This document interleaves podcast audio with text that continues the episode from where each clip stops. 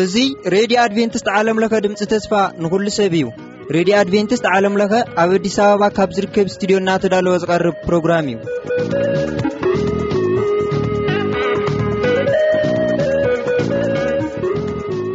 እዚ ትከታተሎ ዘለኹም ረድኹም ረድዮ ኣድቨንትስት ዓለምለኸ ድምጺ ተስፋ ንኹሉ ሰብ እዩ። ሕዚ እቲ ናይ ሕይወትና ቀንዲ ቁልፊ ዝኾነ ናይ እግዚኣብሔር ቃል ምዃኑ ኩላትኩም ኣይትዘንግዕወን።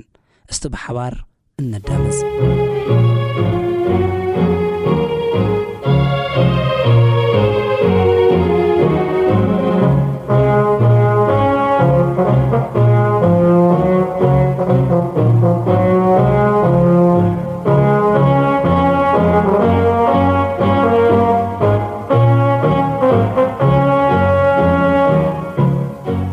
ሰላም ከመይ ቀኒኹም ክብራት ተኸታተልቲ መደባትና እዚ መደብ እዚ ኩሉ ግዜ እነቕርበልኩም መደብ ዛንታ ነብያት እዩ እዚ መደብ ዝሒዘልኩም ዝቐርብ ከዓኒ ኣነ ሳሌም ነጋሲ እየ እምበኣርከስ ቅድሚ ናብቲ መደብ ምእታውና ሓቢርና ክንጽሊ ኢና ነመስግነካ ቅኑዕ ሕያዋይን ርህሩሕ ጓሳ ስለ ዘለኻና ስለ ዘይትፍለየና ስለ ዘይትንዕቐና ሓጢኣት ሽታና በርቲዑ እንከሎ ነገር ግን ሓላዋኻ ካባና ስለ ዘይፍለ ነመስግነካ ባርከስ ሕጂ እውን ንስኻ ኮይንካስ ንኣና ክትምህር ኩሉ ግዜ ስለ ትተግህ ነመስግነካ ነቲ ንትምህርቲ እዚ ብዙሓት ነፍሳት ክበጽሑ ደይከኣሉ ከኣ ንእግዚኣብሔር ኣምላኸይ ንስኻ ከም ፍቓድካ ናብቲ ዘድልዮ ቦታ ክትበጽሕ ንምሕጸነካ። ሰማዕትና፣ ጥያቄታቶም ከም ፍቓድካ ክትምልስ ከኣ ንንዕድመካ። ስለ ሽመይ ሲልካ ዘቐረየና ግዜ ስኻ ባርኸልና ኣይትፈለየና ብሓድ ወድኻ ብየሱስ ስም ኣሜን። ትዕቢት ብዛዕባ ስዕረት ኢየሩሳሌም ዝብል እዩ ማለት እዩ። እንታይ ይብለና ኣብዚ ናይ ይሁዳ ንጉስ ሰድቅያስ ንጳስኮር ወዲ መልክያ ነቲ ካህን ሶፋንያስ ካህን መሴኣን ናብከደነጾር ንጉስ ባቢሎን ክዋግኣኩም እዩ ይብል ኣሎ እሞ ምናልባሽ እግዚኣብሔር ከም ኩሉ ተኣምራት ገይሩ ካባኻ ዝመልሱ እንተ ኾነሲ እስኪ ንእግዚኣብሔር ጠይቐልና ክብልዎ ናብ ኤርምያስ ምስ ለኣኾም ካብ እግዚኣብሔር ናብ ኤርምያስ ዝመጸ ቃል እዚ እዩ። ኤርምያስ ድማ ንሰድቅያስ ከምዚ ኢልኩም ንገርዎ በሎም እግዚኣብሔር ኣምላኽ እስራኤል ከምዚ ይብል ኣሎ እቲ ንጉስ ባቢሎን ነቶም ካብ ቐጽረ ወጻኢ ዝኸበበኩም ከለዳውያን ክት እትዋግኡሉ ኣብ እእዳውኩም ዘሎ ኣጽዋር ክመልሶ ኣብ ማእኸል እዛ ኸተማ እዚኣ ኸዓ ክእክቦም እየ ኣነ ባዕለይ ብዝተዘርግሐት ኢድን ብብርቱዕ ቕልጽም ብቑጥዕ ዓቢ መቕሰፍቲ ክዋግኦኩም እየ።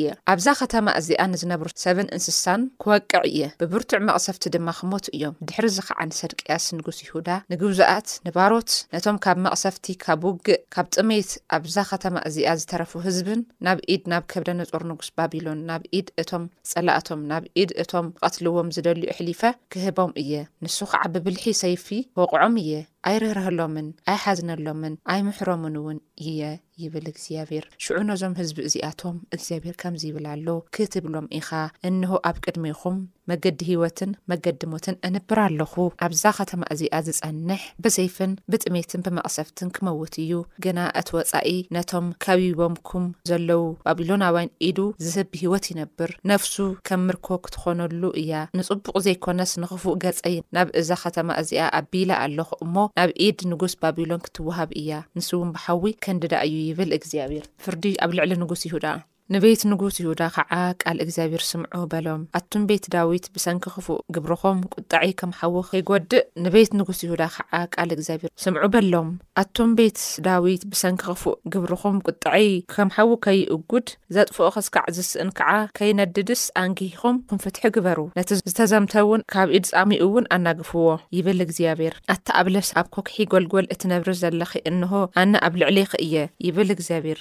ንስኻትኩም ከዓ መን እዩ ሓደጋ ዘውድቐልና፣ መን እዩኸ ናብ ሰፈርና ዝኣቱ እትብሉ ኣሎኹም፣ ኣነ ኸምቲ ፍረ ግብርኹም ክቐጽዓኩም እየ፣ ኣብቲ ዱር ሓዊ ክእጕደሉ እየ እሞ፣ ንዅሉ ከባቢኣ ሓዊ ክበልዖም እዩ፣ ይብል እግዚኣብሄር። ናብ ቤት ንጉስ ይሁዳ ውረድ እሞ፣ ኣብኡ እዚ ቓል እዚ ተናገር፣ ከምዚ በል፣ ኣታ ኣብ ዙፋን ዳዊት ተቐሚጥካ ዘለኻ ንጉስ ይሁዳ፣ ንስኻን ባሮትካን ህዝብኻን ኣቱም በዘን በርታት እዚኣ እትኣትዉ ቃል እግዚኣብሄር ስምዑ፣ እግዚኣብሄር ከምዚ ይብል ኣሎ፣ ፍትሕን ጽድቅን ግበሩ፣ ነቲ ዝተዘምተ ኸኣ ካብ ኢድ ንመብለት፣ ኣይትበድሉ፣ ኣይትዓምጹን፣ ኣብዚ ስፍራ እዚ እውን ንጹህ ደም ኣይተፍስሱ፣ ነዚ ቓል እዚ ብሓቂ እንተ ፈጺምክምዎ፣ ባሮቶምን ህዝቦምን ኣብ ሰረገላታት ኣፍራስ ተቐሚጦም ብበርታት እዛ ቤት እዚኣ ኪኣትዉ እዮም፣ ነዚ ቓል እዚ እንተ ዘይተኣዚዝኩም ግን፣ እዛ ቤት እዚኣ ከም እትዓኑ ብርእሰይ መሓልኩ ይብል እግዚኣብሄር። ስለዚ እግዚኣብሄር በዛ ቤት ንጉስ ከም ገልኣድ ከም ርእሲ ሊባኖስ ኢኻ፣ ግና ኣነ ብርግጽ ምድረ በዳ ሰብ፣ ዘይነብረለን ከተማታት ኽገብረን እየ፣ ነፍሲ ወከፍ ምስ ኣጽዋሮም መዕነውቲ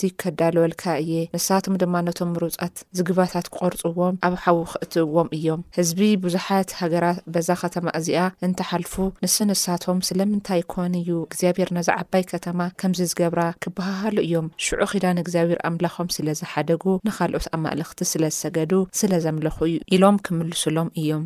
ነቲ ኻብ ዓዱ ዝወጸ ደጊም ነታ ዝተወለደላ ሃገር ተመሊሱ ንዘይርኢ ደኣ ብኸዩ ኢሉ እምበር፣ ንዝሞተ ኣይትብከዩ፣ ኣይትሕዘኑ። እግዚኣብሄር ብዛዕባ እቲ ክንዲ ኣቦኡ ኢዮስያስ ዝነገሰ፣ ኣብዛ ሃገር እዚኣ ዝወጸ ወዲ ኢዮስያስ፣ ሰሎም ንጉስ ይሁዳ፣ እግዚኣብሄር ከምዚ ይብል ኣሎ፣ ኣብቲ ተማሪኹ ዝኸደሉ ሃገር ክመውት እዩ፣ እምበኣር ነዛ ሃገር እዚኣ ኸቶ ኣይርእያን እዩ። እቲ ብግፍዒ ቤቱ፣ ብዓመጽ ድማ ሰገነቱ ዝሰርሐ፣ ንወገኑ ብዘይ ዋጋ ዝሰርሐ፣ ደሞዙውን ዘይኸፍሎም ወይልኡ። ሰፊሕ ቤት በዓል ዓብዪ ሰገነት ክሰርሕ እየ ዝብል ወይልኡ፣ ሰፋሕቲ መስኮታት የዳልውሉ፣ ብዕንፀይቲ ዝግባ የጋይፅ፣ ቀይሕ ቀለም ይቐብኦ፣ ብበዝሒ ዕንፀይቲ ዝግባ ስለ ትወዳደር ብሓቂ ክትነግስ ዲኻ?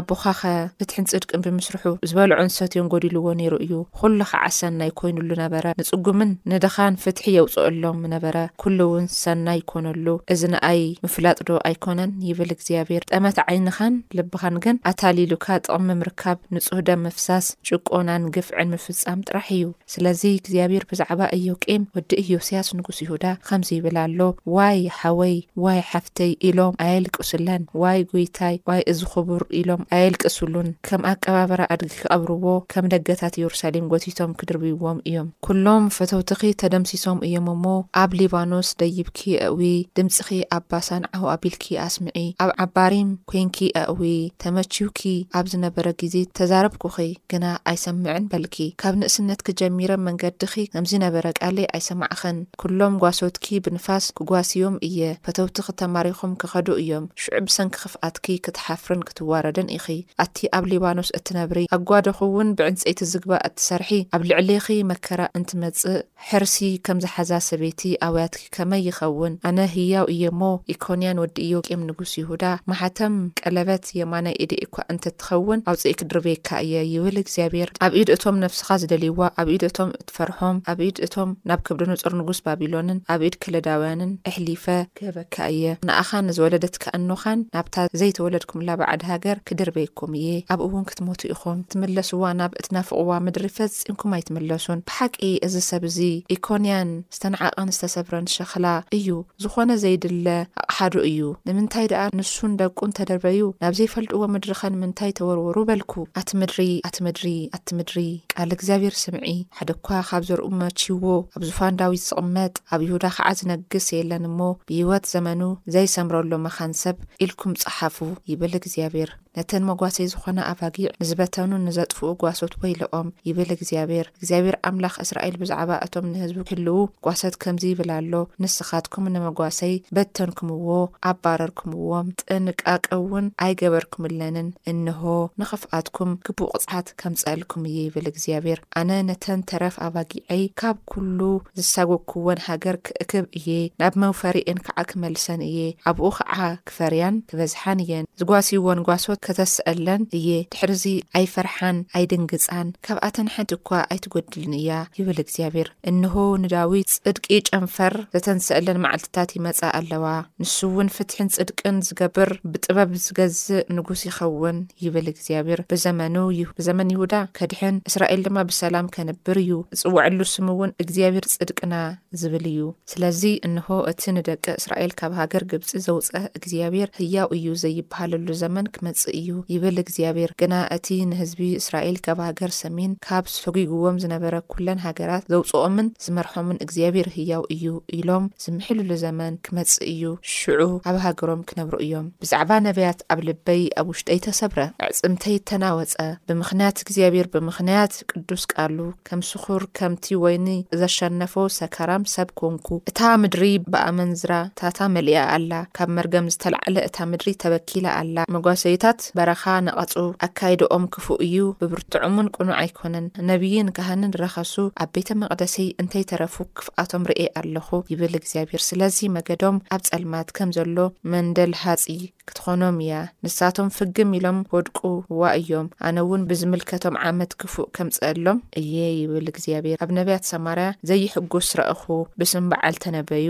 ንህዝቢ እስራኤል እውን ኣስሓቱ እቶም ኣብ ዮርሳሌም ዝነብሩ ነቢያት ዘስካሕክሕ ነገር እንትገብሩ ረእኹ ይምንዝሩ ብሓሶት ይመላለሱ ሓደ እኳ ካብ ክፍኣት ከይምለስ ንኢዱ ክፍኣት በራትዑ ኩላቶም ከዓ ከም ሰዶም እቶም ኣብኣ ዝነብሩ ከም ገሞራ ኾኑኒ ስለዚ እግዚኣብሔር ብዛዕባ እዞም ነብያት እዚኣቶም ከምዚ ይብል ኣሎ ካብ ነብያት የሩሳሌም ኣብ ኩላ እታ ምድሪ ርኽሰት ተባጺሑ እዩ እሞ ዕረ ክበልዖም እዩ ዝመረረ ሓሞት ከስትዮም እየ ጎይታ ሰራዊት እግዚኣብሔር ከምዚ በለ እዞም ነብያት እዚኣቶም ዘነብዩልኩም ኣይትስምዑ ኻንቱ ይምህሩኹም ካብ ኣፍ እግዚኣብሔር ዝወጸ ዘይኮነስ ካብ ልቦም ዝኾነ ራእይ እዮም ዝናገሩ ንሳቶም ነቶም ንኣይ ዝንዕቁ እግዚኣብሔር ሰላም ይኹነልኩም እዩ ኢሎም ይብልዎም። ነቶም ብትረት ልቦም ዝመላለሱ ዅላቶም ድማ ክፉእ ነገር ኣይረኽበኩምን ኣይነኽኣኩምን እዩ ይብልዎም። ቃሉ ክርእይን ክሰምዕን ብምኽሪ እግዚኣብሔር ዝቖመ መን እዩ? ጽን ኢሉ ቃሉ ዝሰምዕኸ መን እዩ? ናይ እግዚኣብሔር ኣውሎ ንፋስ ብቝጥዓ ይለዓል፣ ብብርቱዕ ማዕበል ንርእሲ።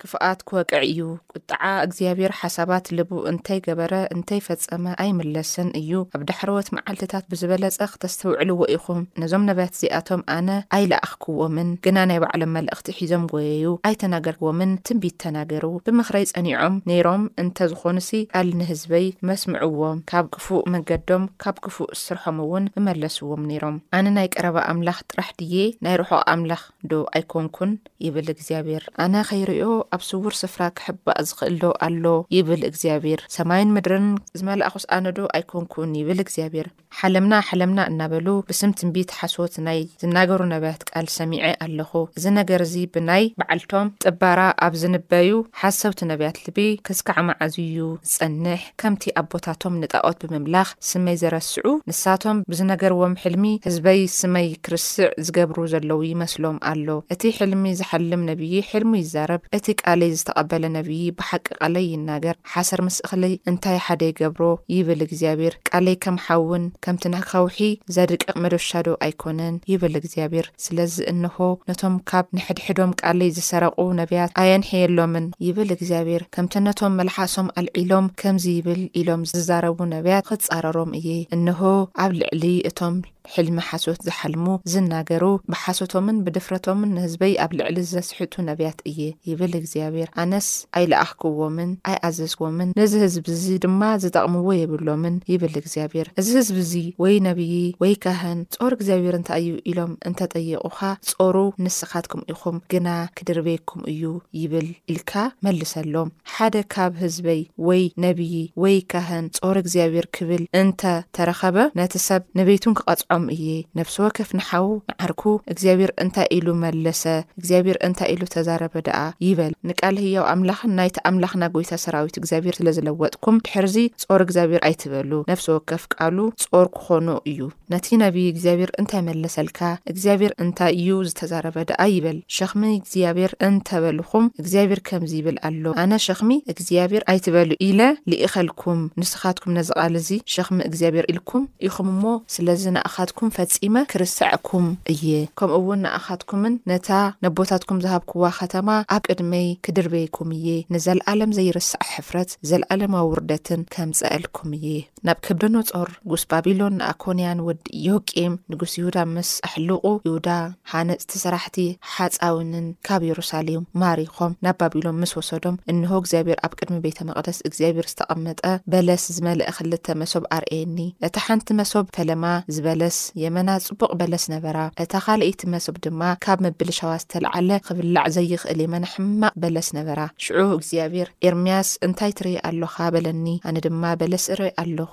እቲ ጽቡቕ በለስ የመና ጽቡቕ እዩ፣ እቲ ኼርና ዝተበላሸወ ሕማቕ ግና እምብዛ ሕማቕ ብምዃኑ ኺብላዕ ዘይክእል እዩ በልኩ። መሊሱ ኸምዚ ዚብል ቃል እግዚኣብሄር ናባይ መጸ፣ ኣምላኽ እስራኤል እግዚኣብሄር ከምዚ ይብል ኣሎ፣ ኣብዚ ስፍራ እዚ፣ ናብ ምድረ በዳ፣ ናብ ምድሪ ባቢሎናውያን፣ ዝሰደድክዎም ምርኮ ይሁዳ፣ ከምቲ ጽቡቕ በለስ ብጽቡቕ ክምልከቶም እየ፣ ንዓይነይ ጽቡቕ ኣብ ልዕሊኣቶም ክገብር እየ፣ ናብዛ ሃገር እዚኣ እውን ክመልሶም እየ። ክሃንጾም እምበር ኣየፍርሶምን፣ ክተኽሎም እምበር ኣይነቕሎምን እየ። ኣነ እግዚኣብሄር ከም ዝዀንኩ ዝፈልጥ ልቢ ክህቦም እየ፣ ሽዑ ብምሉእ ልቦም ናባይ ክምለሱ እዮም እሞ፣ ንሳቶም ህዝበይ ክዀኑኒ እዮም፣ ኣነ እውን ኣምላኽ ክኸውን እየ። ኣነ ንሰድቅያስ ንጉስ፣ ንእሕሉቕ፣ ነቶም ኣብዛ ሃገር እዚኣ ዝነብሩ ዘለዉ ተረፍ የሩሳሌም፣ ነቶም ኣብ ሃገር ግብጺ ዝነበሩ ግና ከምቲ ሕማቕ በለስ፣ ዘይከኣል በለስ፣ ገይረ ክርእዮም እየ ይብል እግዚኣብሔር። ኣብቲ ኣነ ዘሳጐግዎም ኵሉ ስፍራታት ከዓ ንፀርፍን ንመመሰልን ንመላገፅን ንመርገምን ክዀኑን ኣብ ቅድሚ ኵሉ መንግስታት ምድሪ እውን ንመከራን ንስቓይን ኣሕሊፈ ክህቦም እየ። ካብታ ንኣኣቶም ነቦታቶም ዝሃብክዋ ምድሪ ክዝካዕ ዝጠፍኡ ውግእን ጥሜትን መቕሰፍትን ክሰደሎም እየ። ኢዮቄም ወዲ ኢዮስያስ።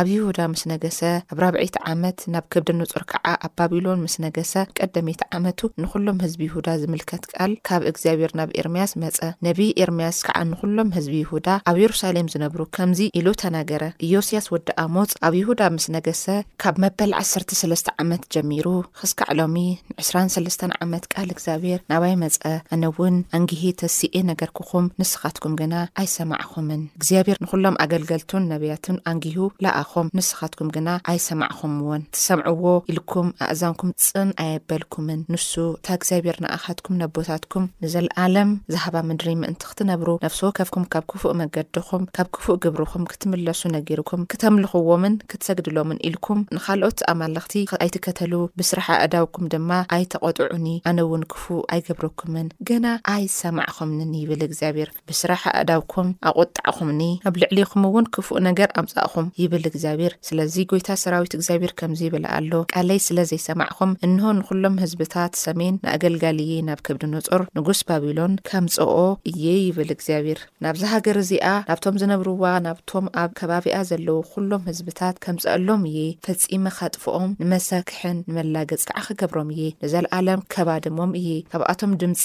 ሓጎስ ዕልልታን ድምጺ መርዓን መርዓትን ድምጺ መጥሓን ብርሃንን መብራህትን ከጥፍእ እየ ኩላ እዛ ሃገር እዚኣ ድማ ኽትባድም ክትዓኑ እያ እዞም ህዝብታት እዚኣቶም ሰብዓ ዓመት ንንጉስ ባቢሎን ክግዝእዎም እዩም እተን ሰብዓ ዓመት ምስ መለኣ ድማ ንህዝቢ ባቢሎን ንንጉስ ብሰንኪ በደሎም ክቐጽዖም እየ ይብል እግዚኣብሔር። ንሃገሮም ከኣ ንሓዋሩ ከቫድማ እየ።